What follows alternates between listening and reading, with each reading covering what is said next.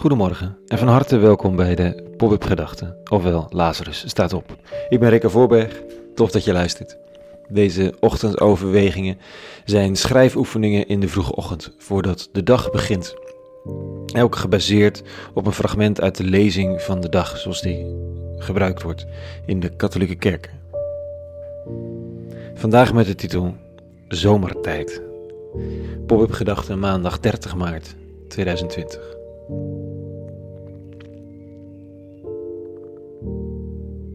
De zomer. De geur van gemaaid gras, van bloemen, van warme velden en zonnebrand. De geluiden van vogels en mensen in het park. Zomer en de tijd ervan is net begonnen dit weekend. Het voelt als een uur eerder en de lucht is weer donker nu ik hier aan de keukentafel ben gaan zitten.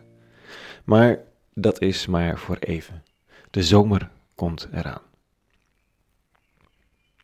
Gek eigenlijk, want ze voelt het niet echt.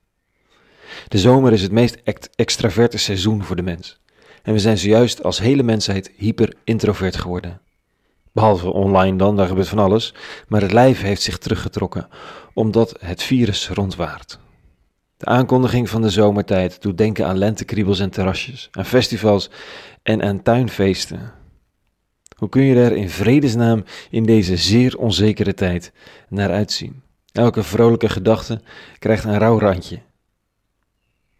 Nou, als je zoontje moet huilen omdat hij niet weet wanneer hij weer echt met zijn vriendjes kan spelen. Er zijn leukere momenten als vader en moeder. En er gebeuren in mijn hoofd twee dingen. Eén, was het maar zomer en voorbij. En twee, dat zit je nou te miepen, jongen. Dat laatste ook, hè. Ik bedoel, gisteravond nog tot laat gebeld met een vriend, een vluchteling in kamp Moria. Hij vindt dat hij niet mag klagen, maar als je in zijn hart kijkt, zit deze vol angst en verdriet. Nu met 20.000 mensen op dat kleine stukje land leven. Goed, ik kan de feiten proberen te vertellen, maar die zijn slecht voor een maandagochtendmaag. Dus verlangen, verdriet en verwarring. Die drie eigenlijk. Verlangen naar vrijheid, zomer, licht, buiten, zwemmen en op blote voeten lopen. Verdriet over de gesloten situatie, de angst, de onzekerheid, de vrienden, de eenzaamheid. En verwarring, omdat je niet eens weet of je verdriet wel gerechtvaardigd is, gezien de schaal der dingen. Niet dat verdriet vraagt om een oordeel trouwens, helemaal niet. Het vraagt om een schouder.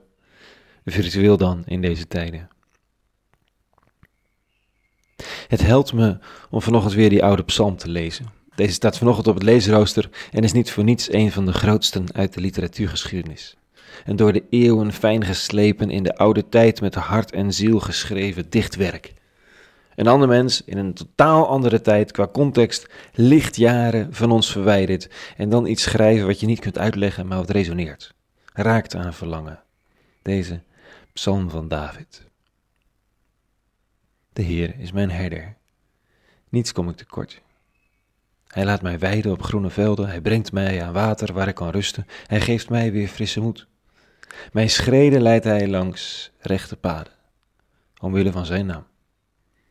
Al voert mijn weg door donkere kloven, ik vrees geen onheil, waar u mij leidt. Uw stok en uw herdenstaf geven mij moed en vertrouwen. U nodigt mij aan tafel, tot ergernis van mijn bestrijders. Met olie zalft u mijn hoofd, mijn beker is overvol.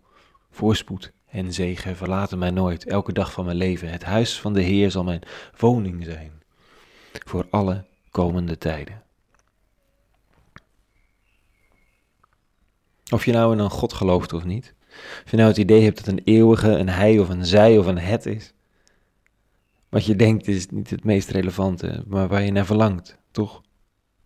Naar dat vaste punt in jezelf, wat deze dichter gevonden heeft. Een vast punt waaraan verlangen, verdriet en verwarring, die drie, zich kunnen verbinden. En evenwicht vinden. Natuurlijk is er verlangen. Geniet er ook van, want het is een voorbode van wat komen gaat. natuurlijk is er verdriet. Deel het, want je bent niet de enige. Natuurlijk is er verwarring, omdat de tijd ons iets nieuws aan het leren is. Of God, wees verward, want het klopt. Deze psalm hoeft geen uitleggen. Slechts een herlezing en een lezing en nog eens een herlezing, zodat dat wat resoneert zijn weg kan vinden in onze eh, bloedsomloop. Tot zover vanochtend. Een hele goede maandag gewenst. Meer pop-up gedachten te vinden op lazarusstatop.nl. En voor nu, vrede gewenst en alle goeds.